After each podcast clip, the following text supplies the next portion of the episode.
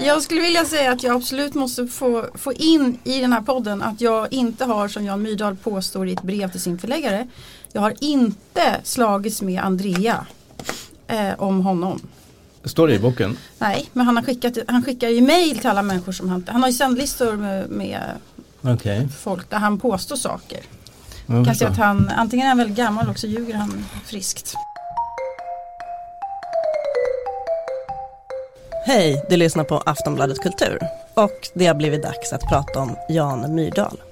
För nyligen kom han ut med boken Ett andra anstånd där han gör ett slags bokslut över sitt liv. Den satte också igång ett flitigt replikskifte på kultursidorna. Eh, flera artiklar har vi nu på Aftonbladet Kultur som handlar om Myrdals förhållande till sanningen och om vad och hur man egentligen får skriva om verkliga namngivna personer. Det här ska vi prata om idag. Jag heter Cecilia Djurberg och med mig i poddstudion har jag författarna och skribenterna Lena Andersson, Thomas Lappalainen och Åsa Lindeborg. Välkomna. Tack. Tack. Och jag tänkte att ni skulle få börja med att berätta om ert förhållande till Jan Myrdal. Eh, Thomas, du recenserade boken i Aftonbladet. Vet vi, vad kan du säga mer om din, hur du har läst honom och följt? Alltså jag har ingen djupare relation till honom. Jag har eh, väl alltid upplevt honom som en väldigt skicklig skribent men, men jag har aldrig riktigt hört till hans, eh, eh, vad ska man kalla det, sto- stormtrupper vad gäller ideologiskt eller, eller eh, politiskt. Eh, jag har nog alltid liksom haft någon sorts eh, irriterad känsla på hans egocentricitet i, det han skriver. Samtidigt som jag ofta har, har tyckt att, att han kommer åt saker och ting med sin, alltså i egenskap av författare snarare än en eh, filosof. Då, eller något sånt. Men du har läst honom mycket? Nej, inte så väldigt mycket. Jag har läst ja, kanske fyra, fem böcker eller något eh, under min långa levnad. Men, eh, men jag har liksom inte följt honom. Jag har vänner som, som har varit eh, förhäxade av honom och, eh, och liksom följt honom väldigt noggrant genom decennierna. Och, och upplevt honom just som en stor tänkare och eh, som en viktig nagel i ögat på hela västerlandet ungefär. Mm. Men, men det har aldrig varit min bild. Nej. Lena Andersson, eh, jag läste en intervju med dig där du sa att Jan Myrdal är en förebild för dig. Stämmer det? Ehm, Där, där framhölls som något, något oväntat. ja, eh, nej men som eh, sp- språkmänniska och kan man säga och eh, kraften i, i hans prosa tycker jag är stor. Eh, det, på 80-talet minns jag då, var jag ju tonåring men, och inte alls på något sätt ens på väg in i någon kulturvärld. Men då minns jag ju att det var mycket tal om Myrdal. Han var, jag minns honom från när min mamma läste, var fascinerad av de här barndomsböckerna. Och, och sen tio år senare på 90-talet läste jag dem själv och tyckte väldigt mycket om gestaltningen. Eh, hur, hur han skapar närvaro i texten framförallt. Eh, och eh, skildrar karaktärer. Och sen läste jag ju Maj då lite senare, år 2001 tror jag det var. Och var väldigt fascinerad över hur han beskrev en kärleksrelation. Det, Mm. och det påverkade mig. Han, han sa själv någonstans att jag hade förlösts av Maj, men det är en tolkning han gör som han tar sig friheten. Det, det är inte sant, jag har inte förlösts av Maj. En kärlek, utan jag tyckte bara det var en bra, väldigt bra bok. Mm. Det är en fantastisk bok. Mm. Om jag Åsa, jag ska ju bara flika in här att jag är ju inte, jag har ju bara följt eh, Jan Myrdal mer som ett fenomen eller han är en offentlig figur. Och eh, det här är faktiskt första boken som jag läser av honom. Eh, vad jag kan komma på. Sen så har han ju skrivit texter och sådär. Eh, så det är min väldigt, jag har en väldigt relation från sidolinjen liksom på det här. Men Åsa Lindeborg, varför tycker du att vi ska prata om Jan Myrdal nu? Men jag tror jag skulle vilja berätta om, lite Ja. snabbt bara om mitt eget förhållande till Ja. honom för att det följer hela hans karriär. Eh, när jag var barn så fick inte vi läsa Myrdal hemma därför att han var, tillhörde Mao, maoisterna och min familj var ju Sovjetkommunister. Så han var förbjuden, han var förbjuden läsning. Sen när jag började eh, forska i historia på universitetet då kom de här jagböckerna 12 på det 13 och eh, då blir han kidnappad, då är han 50 år Myrdal och får sitt stora genombrott i, i, i den svenska borgerliga offentligheten när han blir kidnappad av Timbro skulle man kunna säga. För här, man använde hans böcker för att visa åh vad Socialdemokraterna var brunkantade. och alltihopa det där. Men det är fantastiskt bra litteratur.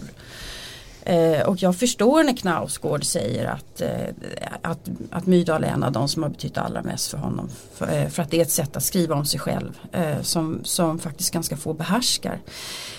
Sen började jag läsa honom därför att jag var intresserad av hans litteraturkritik. Jag tycker han är jätte, jättefantastisk när han skriver om Balzac och Strindberg och han gör det på ett sätt som ganska få andra gör faktiskt. Sen kom jag till Aftonbladet och då ska jag plötsligt bli hans chef.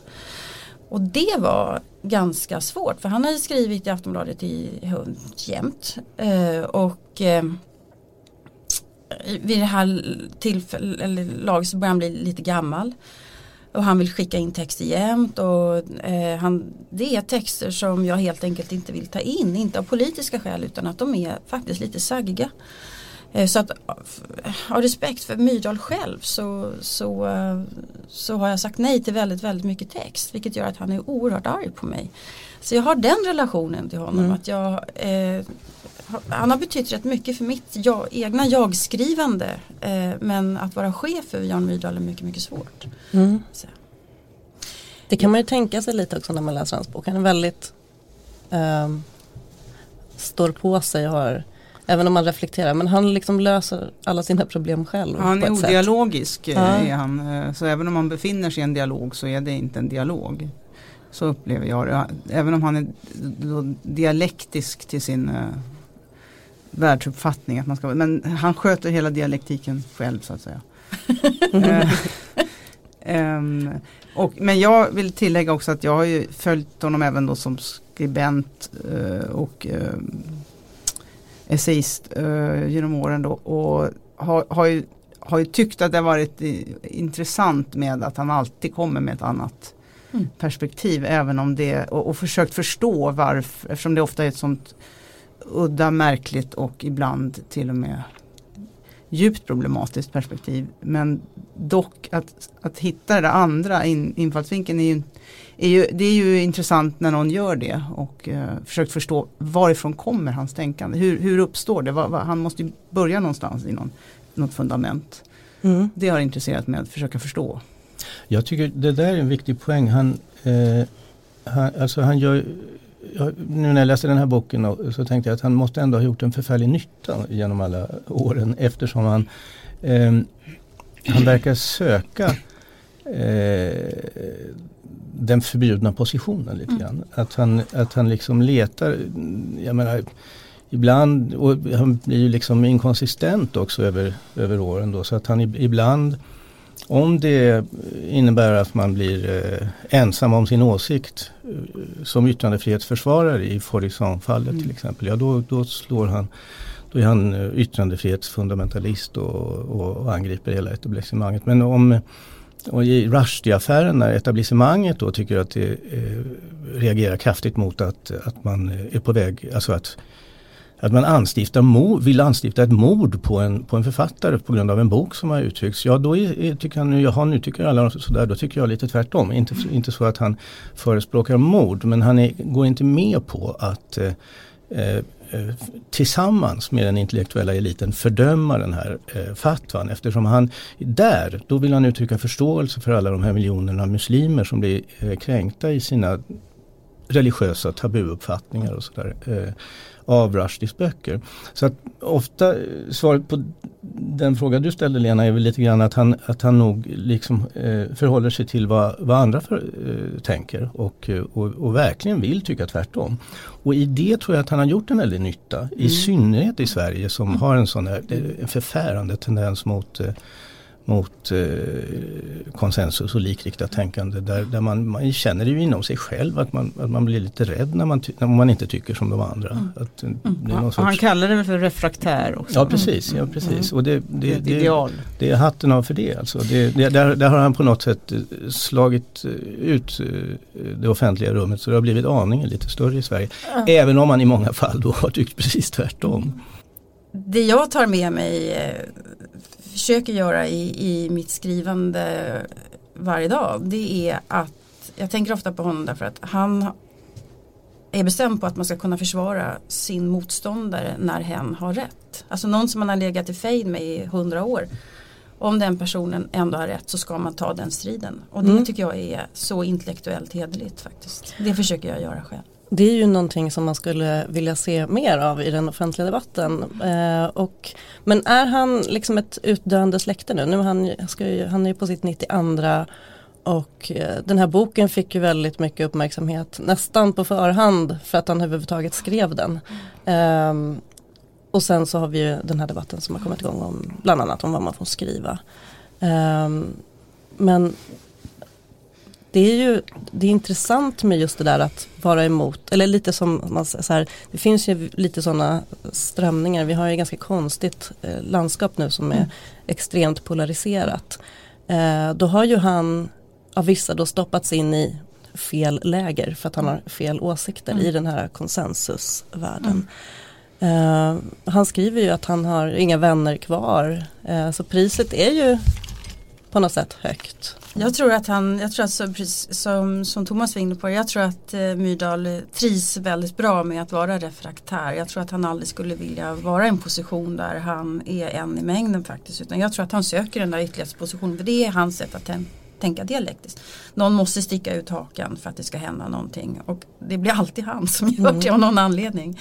Men frågan om han är, om han är ett utdöende släkt skulle jag säga att ja det är han nog i den meningen att han har eh, han är väl tror jag den nu enda levande författaren som har ett eget sällskap. Han har ju liksom lärjungar, mm. han har en hel generation eh, vänstermänniskor som nu är snart lika gamla som honom som har följt honom hela tiden. Och Eh, han är som en slags svensk eh, Jordan B. Peterson kan man säga. Så att verkligen folk eh, de, de blir eh, lojala med honom mm. på ett sätt. Och det tror jag inte vi kommer att se i, i Sverige med vänstertänkare på länge i alla fall. Jag hoppas inte det. Men nu är det ju väldigt, går det ju väldigt snabbt så fort någon säger fel, alltså säger att han liksom sån här gubb, gubbsjuka uttalande eller någonting då, då blir man liksom deplattformerad mm. idag och ja. åker ut. Han har väl kanske aldrig riktigt riskerat det. Han verkar vara en som har fortsatt. Jo men han åkte ut från pennklubben och det var enorma strider om, och det var ju då han hade yttrat sig om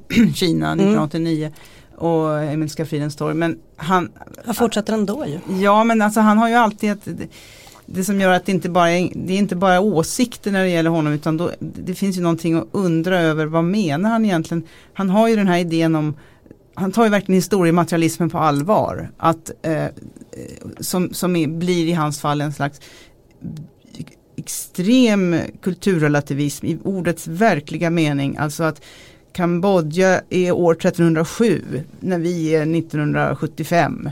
Att eh, vi måste förstå dem utifrån det den eh, som vi skulle ha varit 1307 och han, han, har detaljerat i, i till exempel den onödiga samtiden i första brevet, brevväxlingen med Lars Gustafsson så lägger han ju ut där precis 1723 i Frankrike motsvarar 1870 i Sverige och 1820 i Danmark. Sådär, exakt och det, då är det kulturen är då en kropp och på samma sätt ser han på individer att om han hade varit född tio år senare så hade han blivit någon annan och därför, därför anger han alltid när någon är född och att Lars Gustafsson är tio år yngre än han och nio.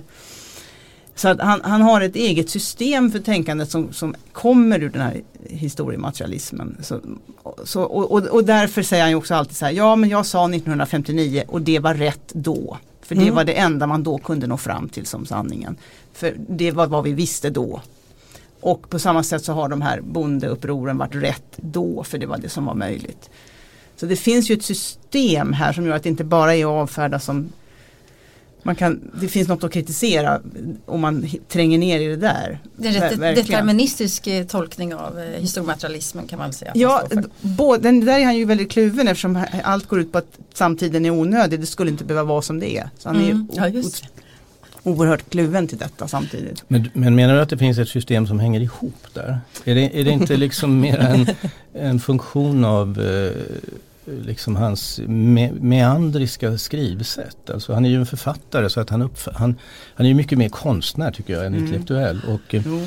och, och, om, det, om det uppstår något litet problem, ja i så fall så tror jag inte att eh, att han inte kan lösa det så att säga. Jag tror att han kan lösa alla problem mm. eftersom det är så plastiskt. De här begreppen han, han jobbar med är så plastiska. Ibland är det Ibland är det överbyggnadsfenomen, ibland är det materiella orsaker. Men han har sin verktygslåda ja, ja, en ver verktygslåda som, som är väldigt, eh, väldigt liksom, eh, anpasslig tror jag till, till vad han behöver just för tillfället. Men, men den frågan som du sa, eller ställde förut om, om de är utdöende eller inte. Den här, jag hade ju en, en grej i min recension där om Eh, att jag upplever att offentligheten, det gör ju alla förstås, är, är förändrad. Men, men att han hör liksom till den äldre sortens offentlighet som var ganska hierarkisk. Och där det var en grupp män som, jag hittar på ordet rytare då, att de jobbar på universitet eller tidningsredaktioner och så och sen eh, ibland så kliver de ut och ryter på en kultursida och, och säger att eh, så här ser det ut politiskt eller kulturellt eller något sånt där. Och, då, och, och på den tiden så så hade de liksom sin, alla hade sina anhängare. De hade inte sina, sina sällskap som Jan Myrdal har då. Men Hedén just, ja de, han har väl fortfarande anhängare mm. i sådana här eh, sunt förnuft-grupper och så. Mm. Eh, och eh, Tingsten var det många som beundrade och var rädda för. Och, jag menar, det var ett gäng eh, liksom man hade en, en sorts, ett, säg att det fanns 12 positioner i Sverige i det offentlighetssystem som fanns då. Och då, då hade man sina representanter i, det här, i de här gruffen mellan de här rytnarna. Liksom. Och eh, och han är en, hör till den världen skulle jag säga. Eh, just med, med, med följare, inte i den moderna sociala mediemeningen utan, utan i den här gamla offentlighetsmeningen. Men nu är allt det där förändrat eftersom offentligheten är avhierarkiserad. Det, det, med Facebook och sociala medier och sånt där så, och i hela internet så, så, så liksom uppstår det inte riktigt sådana elefanter.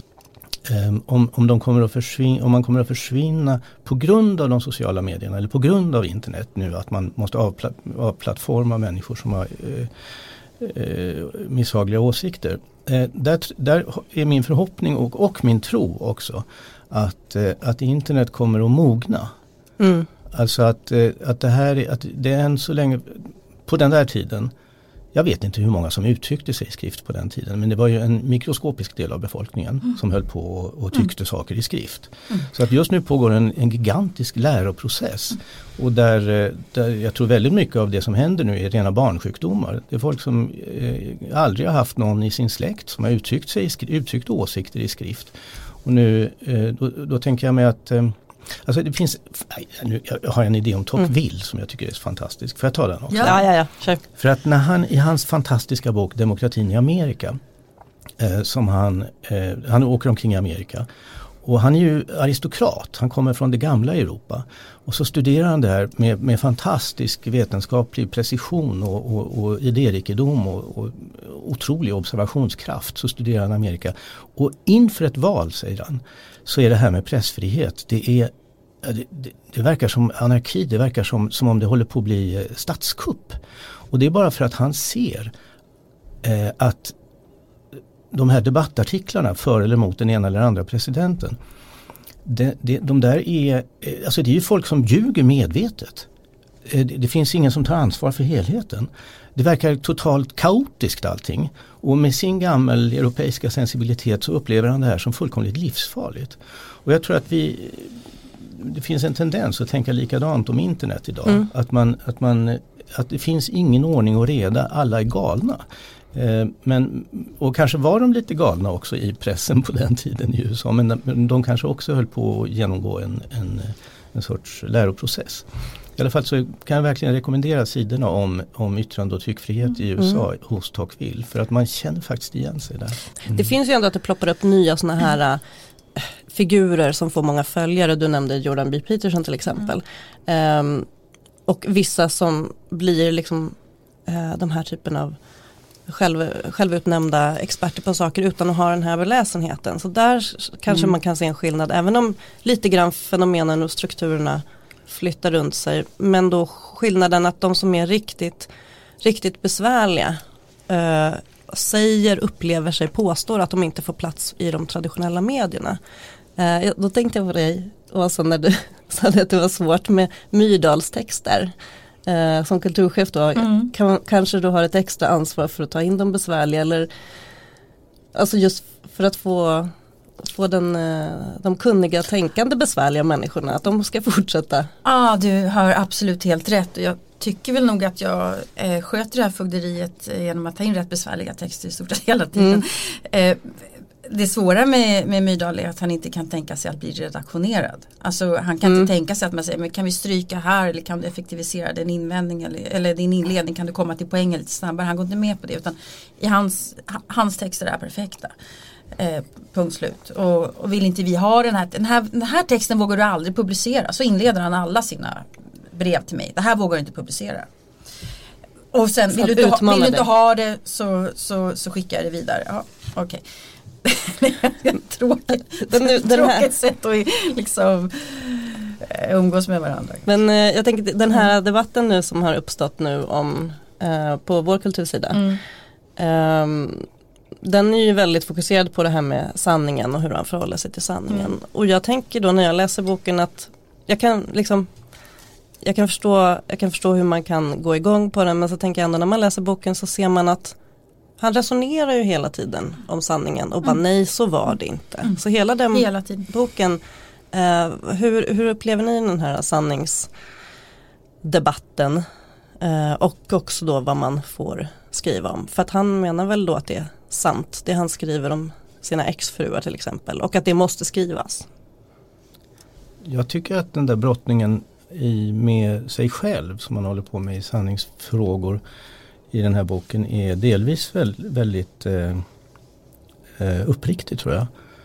Alltså han, han går eh, Det är ju så här att nu ska jag, nu ska jag jävla mig ta itu med mig själv och, och säga som det är. Och sen så klarar han inte av det för att han skäms eller och så vidare. Och så går han på det igen lite senare och så.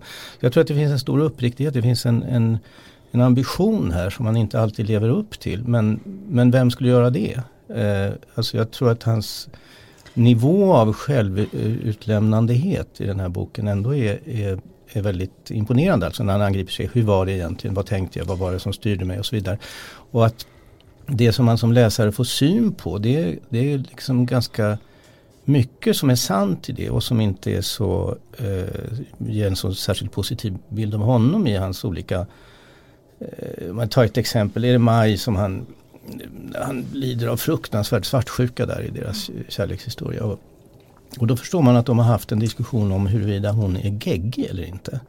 Det vill säga, eh, ja vad han menar med det vet jag inte men lösaktig utan att eh, liksom fatta medvetna val tror jag han skulle säga. Och sen kommer han fram till att nej hon var inte geggig utan det var hon, det var hon själv som hade fattat beslutet att ligga med den där pianisten eh, fast vi var ihop eller något sånt där.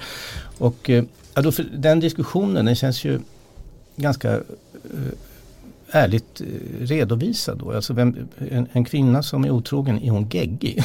Man förstår att det var så de pratade på den tiden. Mm. Och han liksom väjer inte inför, inför den typen av ord då som, som eller den, han kommer åt någonting. Jag tror att han är väldigt uppriktig. Sen tror jag att han att han också här och där slinter på sanningen förstås. Jag tyckte i det där fallet, nu håller jag inte med om att man ska, att man ska försöka tvinga bokförlag att inte ge ut böcker för att de innehåller förgripligt innehåll.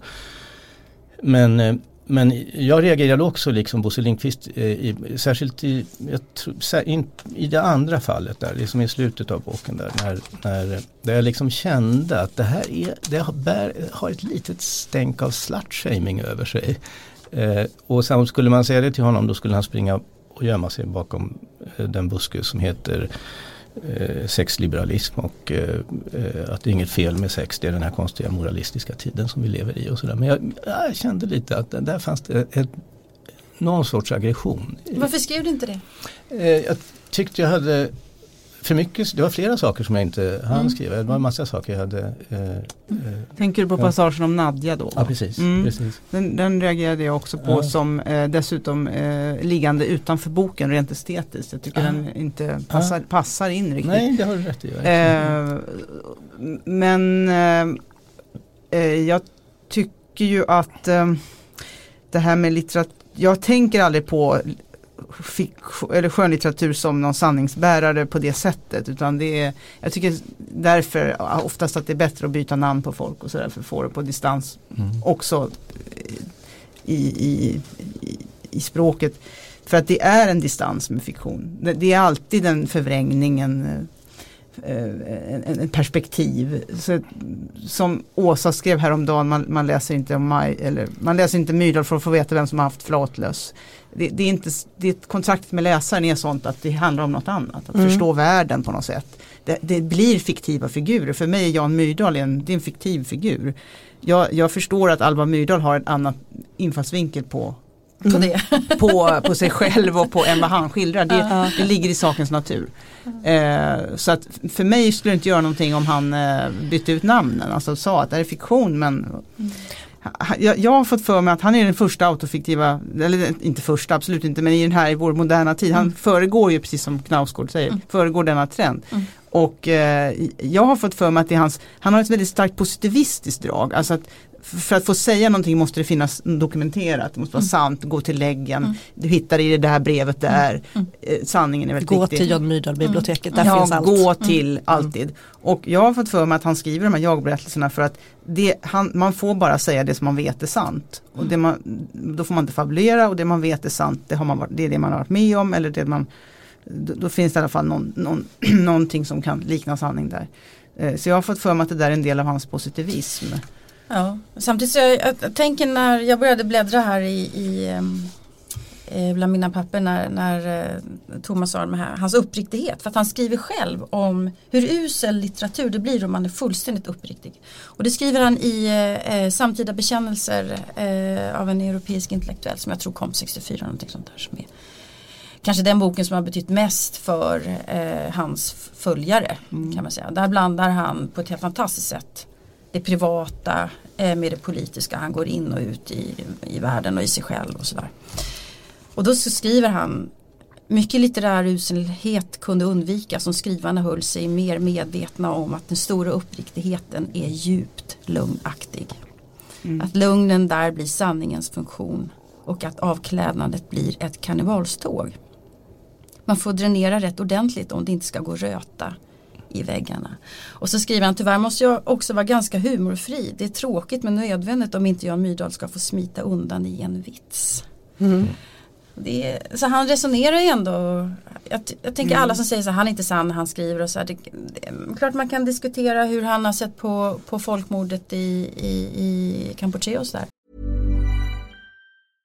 Hej, jag Ryan Reynolds. At Mint Mobile, we like to do the opposite of what Big Wireless does. They charge you a lot we charge you a little. So naturally, when they announced they'd be raising their prices due to inflation, we decided to deflate our prices due to not hating you. That's right. We're cutting the price of Mint Unlimited from $30 a month to just $15 a month. Give it a try at mintmobile.com slash switch. $45 upfront for three months plus taxes and fees. Promote for new customers for limited time. Unlimited more than 40 gigabytes per month. Slows. Full terms at mintmobile.com. Det är någonting annat när man som författare förhåller sig till sitt eget liv. Vad har jag varit med om? Han uppfinner sig ju själv hela tiden i alla böcker som han skriver. Han skriver om sig själv. Och det är, alla vi som, jag kan ju prata om mig själv som jag-författare. Jag märker att jag minns, jag har skrivit en bok om min uppväxt. Skulle jag skriva en bok idag om min uppväxt så skulle jag minnas lite annorlunda. Mm.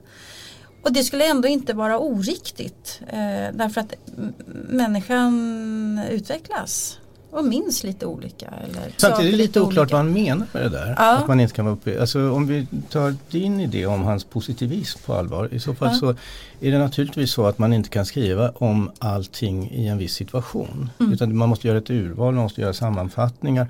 Och man måste tänka på att det måste finnas någon dramaturgisk gång i det hela. Man kan inte beskriva varje atom i ett rum och Nej, så vidare. Liksom. Eh, alltså det, ja. Man måste, göra, måste gå, göra genvägar för att kom, kommunicera överhuvudtaget. Mm. Och, alltså att han skulle kunna mena bara det. Mm. Men han skulle också kunna mena något mycket, mycket, mer radikalt, nämligen att man ska aktivt ska ljuga. Säga att det stod ett, en, ett, mm. en, en, ett glas på bordet mm. fast det inte gjorde mm.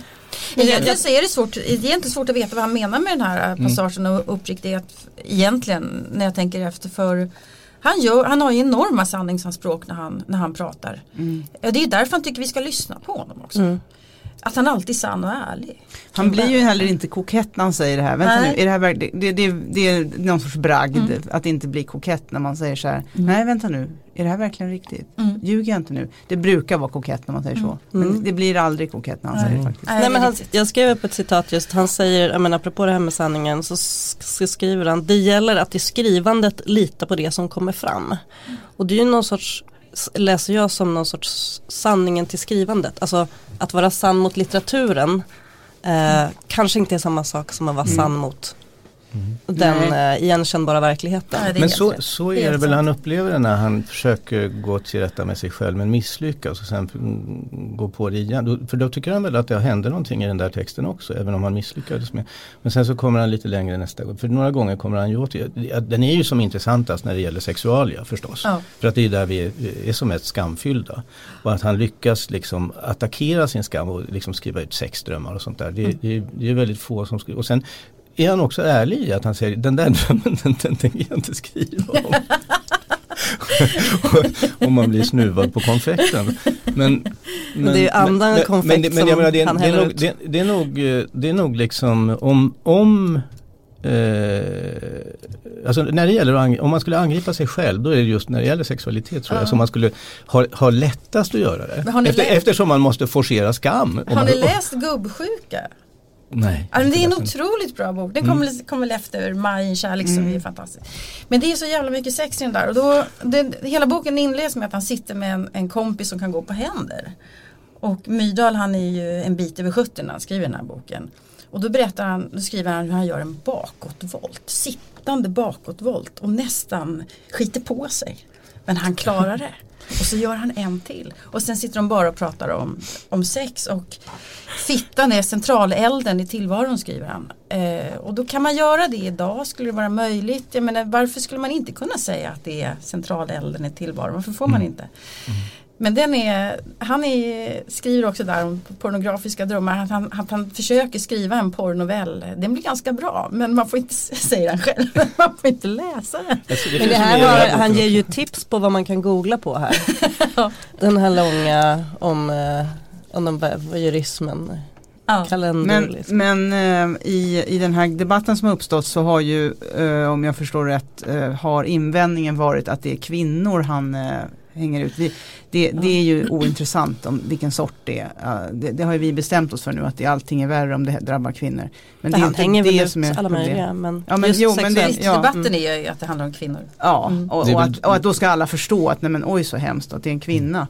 Eh, men det beror ju på att han har mött kvinnor sexuellt. Eh, det beror inte på att eh, han just vill hänga ut kvinnor. Han är ju, jag tycker att han lever upp till det här med kamrat, eh, äktenskap och vad det heter. Jä, jä, jämbördighetsidé. Han sa till mig en gång så sa han eh, när han fortfarande är gift med Andrea efter Gun Kessler. Så säger han jag tänker med kuken och hon tänker med fittan och däremellan är vi kamrater. Och det tycker jag är så eh, det säger väldigt mycket om Myrdals syn på, syn på äktenskap. Han har också sagt, jag tror han har skrivit också att han är egentligen mycket mer privat i sina böcker än, har jag förstått, än vad han är i, under sin, sitt 50-åriga äktenskap med Gun Kessle. För de pratade inte om det privata och, och det man, allt man tänker på behöver man inte säga. Och sådär. Men man får intrycket av att allt han tänker på det skriver han. Mm, Och Gun nu- Kessler läser och säger det här håller Jan, skriv sådär Jan. Men då får hon i alla fall veta det. Ja, jo. Jag håller med om det, att, hans, jag menar, att, att han har en jämlik syn på, på relationen mellan, mellan man och kvinna. Det, det, det tycker jag framgår av den här boken. Och finns en, han, det är någon amerikan där på 50-talet som, som säger that he had a Swedish girl och då så blir han arg och säger she had you, she's a normal Swedish girl, she, it was, she had You've you. been had. You've been had by a Ja. normal Swedish girl. Precis. Eh, så det håller jag med om. Men däremot eh, så eh, tycker jag att han är så eh, bunden till, han är nog bunden till eh, sitt eget begär då, sexuella begär och, eh, och påstår att det här är, så här ser mannens begär ut. Eh, Och han, han har en lik, liknande idéer om kvinnans begär ser ut så här. Medan ju verkligheten eh, visar upp på en fantastisk provkarta på sexuella begär. Folk är väldigt olika på den punkten och, och det, de blir kåta av helt olika saker. Eh, Men han är inte någon stor förespråkare för individens olikheter. men, då, men därför haltar det. Därför, det var en sån tanke jag hade som jag inte heller kom fram till i den där recensionen. Det var att han är en sorts svensk Welbeck i, i det avseendet. För Welbeck är också helt wacko tycker jag när det gäller sexualitet eftersom han, han, han har ett begrepp om det. Medan det finns jättemånga människor som är sexuella på väldigt olika sätt. Liksom. Eh, Men, men kanske kommer också möjligheten att göra den här tjurrusningen både hos Welbeck och Myrdal eh, lite ur den här kraftiga förenklingen då. Att det här är ju sant för alla män och kvinnor så då måste sanningen ut. Medan sanningen är mycket mer nyanserad. Förstås. Ja men det där är ju intressant för man Jag tänker att han, han måste ju ändå förstå att läsaren fyller i samtidigt som han har det självförtroendet att säga att Ja men det är någonting, han tar ju upp en, liksom en sexställning rutin som han menar var ju liksom helt unikt för den här kvinnan och så kan man läsa det och bara Well, not så kanske ovanligt men eh, visst. Och det är ju intressant för då är det men han, han har ju bara sina erfarenheter att utgå ifrån och det han har läst om. Och det är ju alla människors begränsningar. Ehm, Men han är ju en ut- utrerad universalist. Så att, Jo men han, han liksom, det är det där med Darwin och Freud som liksom Mm. leder honom mot liksom att en, en vilja att förstå människan. Och, som, som, eh, och därför så liksom sipprar liberalismen på något sätt Mm. aldrig in i, i det här tänkandet utan det, det finns en modell. Liksom.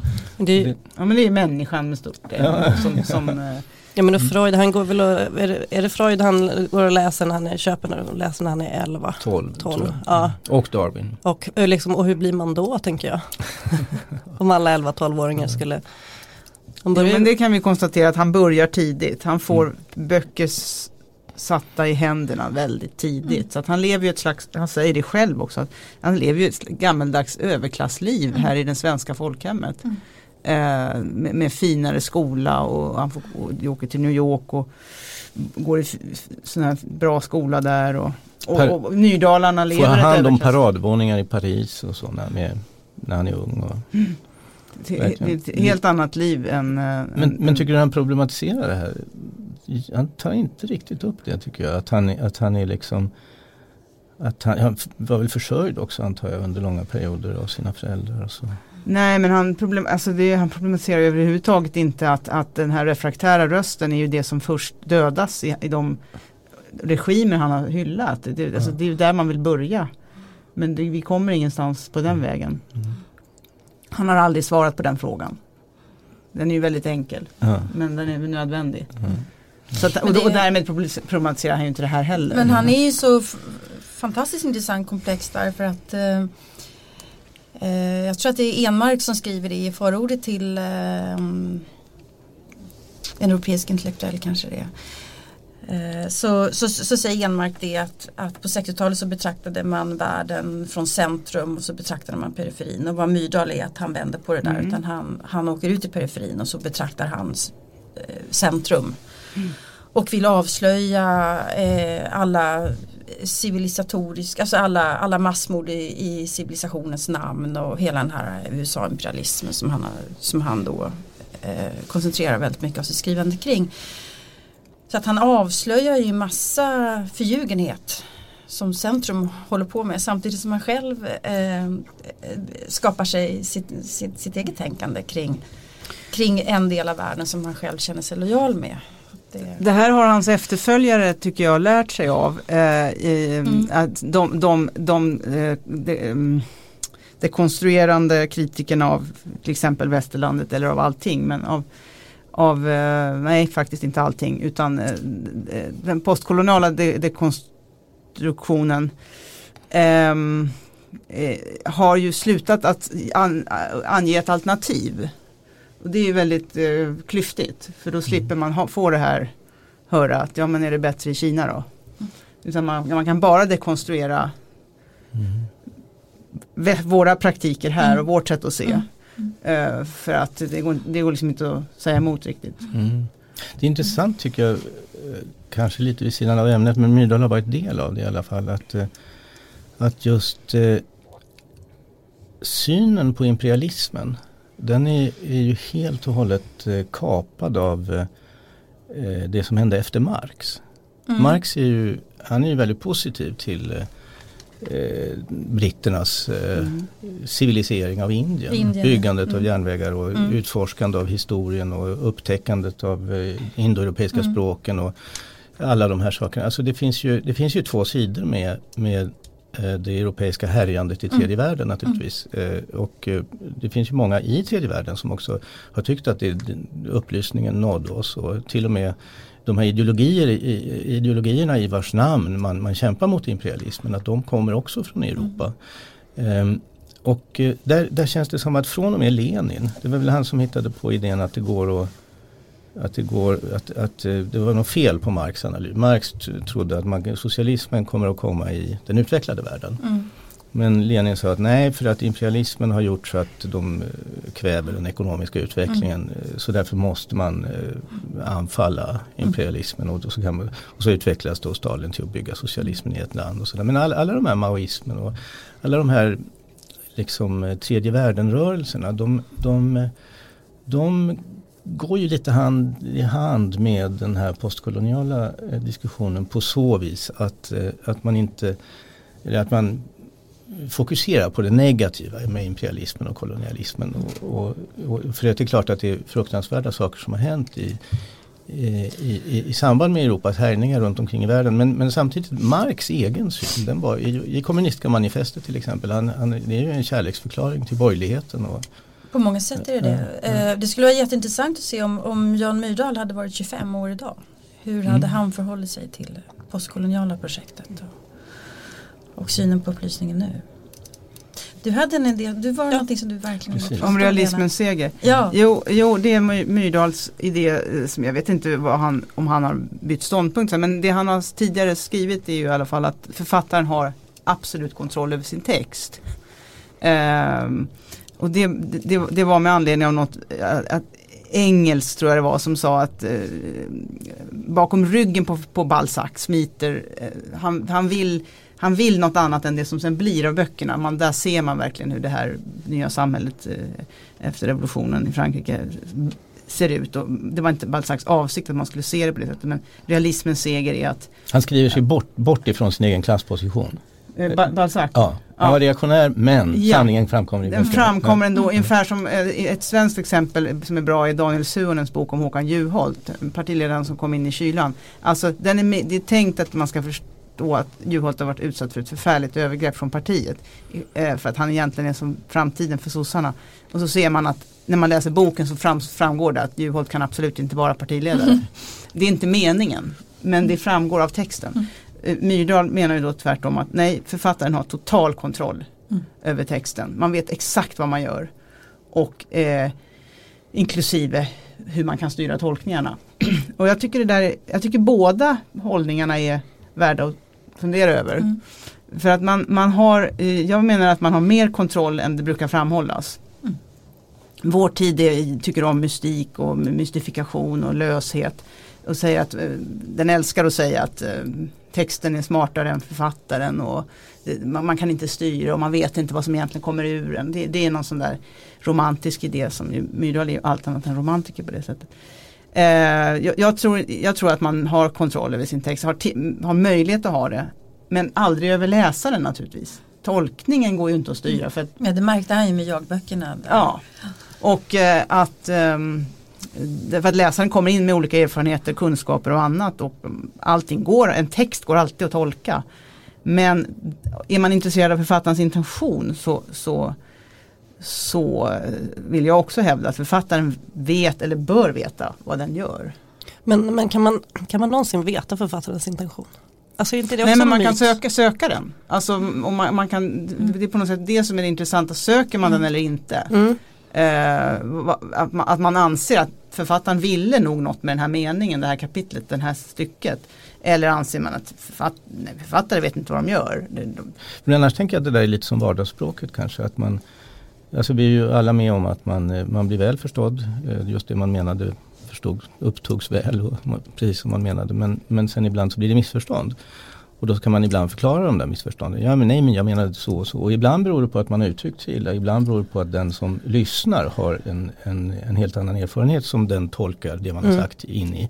Så där måste det väl vara med text också. Ja, ja. te- Men Att det- text kan alltid mm. tolkas. Ja men man har Mm. örat inställt på, alltså det finns ju det där att man också kan höra det man vill höra.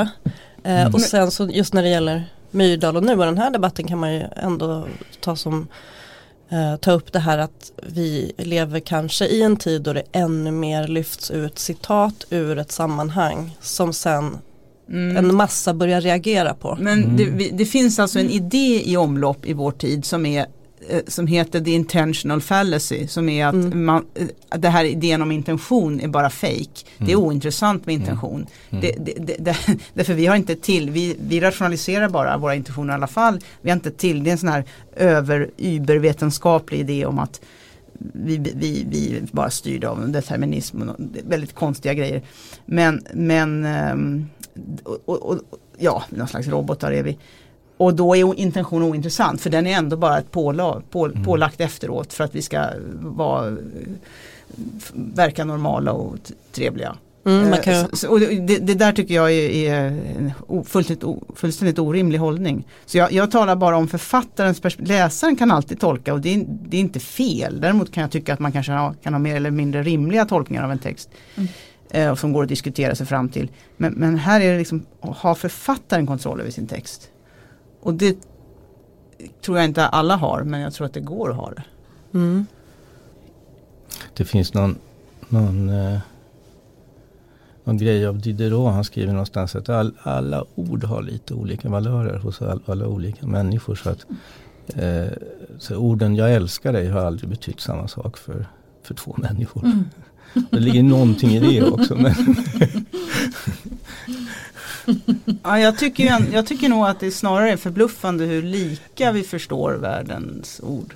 ja, man kan ju Jag se det genom att det är vi väldigt- lyckas praktiskt samarbeta kring en massa saker i alla fall. Ja, är alltså man, kan man kan diskutera sig fram till, särskilt om man skärper sig Mm. och varandra. Att, vad menar vi egentligen med den där valören och den? Och då är man ju förbluffande överens om Mm. man har samma språk. Ja, verkligen, samma modersmål. verkligen, men det brukar vara en bra ingång i en debatt om man ska prata om något fenomen eller begrepp. Att man ändå börjar med att definiera. Så här. Det är lite som att vi kanske skulle börja med att definiera vad menar vi med sanningen innan vi börjar prata om sanningen. Mm. Ehm, Mm. För att på något sätt, alltså kanske att varje samtal eller varje bok eller varje verk har sin egen värld. Som sen ska respondera eller korrespondera med en annan Mm. värld. Mm. Men jag, jag tror som sagt att man måste läsa Myrdals, eh, åtminstone jagböckerna som att det här är ett kontrakt mellan mig och läsaren. Att, att det, här är, det här är min sanning eller det här är gestaltning eller i någon mening skönlitteratur. Eller, Mm. eller på alla sätt skönlitteratur. Och det kontraktet måste man ha med sig. Ja, Faktiskt, Då, fin, då blir sanning inte så intressant som begrepp egentligen. nej. Alltså finns det inte någonting, alltså det är en sak som jag grubblar över eh, som finns i den här texten och i, i tror jag alla texter han har skrivit. Att det plötsligt, alltså ganska tätt dyker upp. Om det har jag skrivit. Jo, Mm. Om absolut. det har jag skrivit. Och då, var, varför skriver han det? Var, eh, alltså, eh, den som är intresserad kommer väl att leta rätt på vad han har skrivit. Och sådär. Men det, det måste ju finnas, det måste, jag tänkte nu när jag läste den här tänkte jag att det måste finnas en skräck som dyker upp i honom. Att just här kan jag inte berätta allt om det här. Mm. Så jag måste säga att jag har skrivit om det. Så att de vet det. De, Eller- alltså eller att, det att det är en sorts skräck riktad mot läsaren. Så att läsaren får inte tro att det här är det enda jag har sagt om det här. För Eller- att, för att det, det, det är ändå någonting barnsligt med att upprepa det. Jag vet inte om hur många gånger det står i den här boken men otaliga gånger står det. Om det har jag skrivit. Mm, Och det är en sån bisarr upplysning i en text. Ja, han, Ja. ja det har han faktiskt alltid gjort och det är också i, i hans kulturjournalistik så är det om, om, om detta har jag skrivit och så Mm. gå till. Det har jag, skrivit. Eh, jag tror att det har att göra med ett, ett behov av att visa att han är ideologiskt konsekvent. Mm. Alltså ett behov av att det här, är, det här är inte nytt, det här jag är ingen vindflöjel, det här är ingenting jag kom på nu utan det, här är, det finns ett rätlinjetänkande i mig som är, bottnar i någonting som är, är Jan Myrdal. Mm. Jag som inte har läst de andra böckerna men den här skriver man ju väldigt mycket om döden och självmord och dödshjälp och planera självmord och så. Det har han, det han hållit på med väldigt länge och eh, ha- eh, vi hade en, en löpsedel eh, första veckan tror jag när jag, när jag vikarierade på Aftonbladet 13 år sedan kanske. Den första veckan som jag vikarierade då, då hade vi en löpsedel att, att Jan Myrdal och Gun Kessler planerade självmordsresa till Schweiz och sådär. Så att det här har han, har han pratat mycket om och han har varit eh, eh, väldigt upptagen faktiskt om eh, rätten att dö när man vill. Och inte, han är skräckslagen för han vill ju naturligtvis inte, han skulle kunna leva jämt. Men också rätten, att det är mänsklig rättighet att, att avsluta sitt liv när man vill. Och det håller jag med honom om helt och hållet. Faktiskt. Där sipprar in lite liberalism. Ja det gör det. Eh, på vilket sätt? Att individen ska få bestämma själv Själv. över sitt öde. Ja men det är sant. Det är Mm. sant. Samtidigt som han väl eh, förespråkar detta allmänt och emot hållningen att eh, välja att gå in i demensen och så vidare. Ja, du menar Ja. att man borde måste? man borde måste, ja, okej. Ja. Men han har ju en idé om folket också som vi kanske måste ändå säga någonting om. Du sa var skulle han varit idag om han var 25? Han, har, alltså, han har ju en maoistisk idé Ja, om folket som Mm. en kropp som ska befrias. Med, och där, och han är upptagen av olika bondekrig i historien. Och eh, idé, idén om det homogena enade folket som Mm. ska stå upp mot herrarna. Och då undrar man hur det i och för sig står, står sig mot den här idén om att leva ett överklassliv i folkhemmet. Eh, ja. men men det, det, det finns som ett grundackord hela ja tiden. det gör det. Och, och, och det är där också, om jag får avbryta, det är där han, eh, Myrdal har hamnat så snett på, på senare tid. Mm. För att hans uppfattning är att eftersom som han då skriver, arbetarklassen röstar på Marine Le Pen, eller Nationella fronten i Frankrike, så, så finns det en poäng med henne för arbetarklassen kan inte ha fel. Och det är hela den här maoistiska idén i en karikatyr i och för sig, men att massan har rätt eller folket har rätt eller arbetarklassen har rätt. Proletärklassståndpunkt. Ja, proletärklassståndpunkt. Jag kan säga, där är han så lite marxist eller så lite leninist som man kan vara. Eh, Lenin var ju skitförbannad på att arbetarklassen så ofta fel och inte fattar sitt eget bästa. Och inte sådär. eh, men där finns en romantiserad bild av hela idén om folkets kultur tycker jag är fullständigt grotesk. Och han, eh, han, folkets kultur för, för, eh, för Myrdal det är ju just det här extremborgerliga, det är Balzac. Eh, folk, eh, han, han vill att folk ska, eh, alltså det är inte dansbandsmusik och sådär som min pappa skulle säga är hans kultur utan det är att man ska läsa Balzac och Strindberg och, sådär. Så här, är, här, här tycker jag han är, det är, det är faktiskt en väldigt svag punkt i hos Ja och därför hamnar man utan problem kanske i att skriva i nya tider och, och, så, sådär för att eh, de, de har någon också idé om folket, Folket, som ja. en Mm. kropp Mm. eh, som har rätt Mm. och som ska fredas och värnas mot individualismens eh, Och där får man vara refraktär. avvikelse. Och det är ju lite populistiskt då. då. Det här med liksom folket mot eliten. Ja det är ju populism i ordets så att säga verkliga icke-värderande mening också kan man säga. Mm. Det, det är det Ja, ja, det, är det, det- det, det- är. det är det det går ut på. Ja, ja just det. Men Det är Exakt. samtidigt också en, eh, en eh, liksom ett fullföljande av att inta liksom den position som verkligen avskys av eh, de intellektuella eliterna. Mm. Eh, Mm. Så att jag, jag, det är Stämmer med det reflektära. Ja, det, Mm. Men hans språk, om jag får säga en mening här som jag tycker sammanfattar hans språk som är Han har ett väldigt speciellt sätt att hantera svenska språket på. Jag hittade en mening som jag tycker är ganska typisk för det. Nu när Gun snart är tio år död har hennes konstnärliga gärning vänts ned i nadir samman med de övriga i hennes konstnärsgeneration på Mejan. Mhm. Nu när Gun snart är tio år död. Ja. Det, är- det, är det är vackert Ja, men det det är- märks knappt vad han gör. Nej. Men det märks när man läser det. Ja. Och om man översätter det där till engelska så skulle det plattas till omedelbart till standardspråk. Ja. Han har aldrig standardspråk. Nej. Det är just de där grejerna han gör. Han, han tar bort massa klumpigheter Mm. I meningarna som, som blir, går förlorade i översättning också. Mm. Skit, skiter i prepositioner ofta. Mm. Eller hur?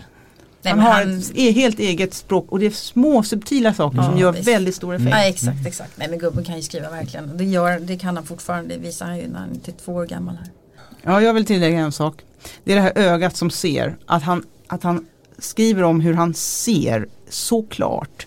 Han går ner i 50-talet säger han. Han går ner i, i 40-talet. Och försänker sig i det som var då. Och ser, återskapar allt som en fotografisk film. Han har det kallas för eidetiskt seende skriver han i något kapitel här i boken. Och Alva hade det i sina psykologiböcker. Att han har ett öga på något sätt som han uppfattar som nästan övernaturligt. Men det är det naturligtvis inte utan det är, det är, mm, vilket han själv säger att det inte heller är, det är alltså en kolossal närvaro Mm. i tiden och han fryser fast det. Och sen kan han tina upp det när han ska skriva. Mm. Fast jag tror inte på det där. Ja, men det gör jag. Så. Jo, jag förstår. Jo, men jag tror att han Mm. upplever det så. Men jag tror att det är en typisk sån sak som, som intensivt arbetande och goda författare ofelbart hamnar i. Det kan, för du, att, det för kan att, du ha rätt För att när, ja. man, när man, alltså de här, det är ju kolossala ansträngningar. De som tar det här författaryrket på, på det här allvaret, alltså de håller ju på eh, hela tiden. De håller ju på, på när de drömmer på nätterna, Mm. från morgon till kväll. När de sitter och fikar, när de sitter och pratar. Mm. Alltså, äkta författare är väldigt ofta stora egocentriker. Mm. Och det beror på att de jobbar oavbrutet. Och när de då sitter och skriver då, då anstränger de sig så att de faktiskt börjar se tror jag. Och då tror de på det de har sett fast de själva har skrivit fram det som de, eller, eller de, de, de har först hittat på det som de sen skriver. skriver liksom. eh, så att det finns mängder med, med författare som påstår just att de har eidetiskt minne. Jag minns att Lars Gustafsson höll på med det där också mycket och han sa att Ja, men det är typ, han sitter och pluggar filosofi i Uppsala på 50-talet och så har han ett glas vatten på bordet och så åker det förbi en långtradare. Och han minns nu 40 år senare hur, hur ytan på vattenglaset, hur ytan krusas lite grann. Och sådär. Alltså, Men jag, jag tror att man kan, jag tror att det är en författar eh, åkomma så att säga.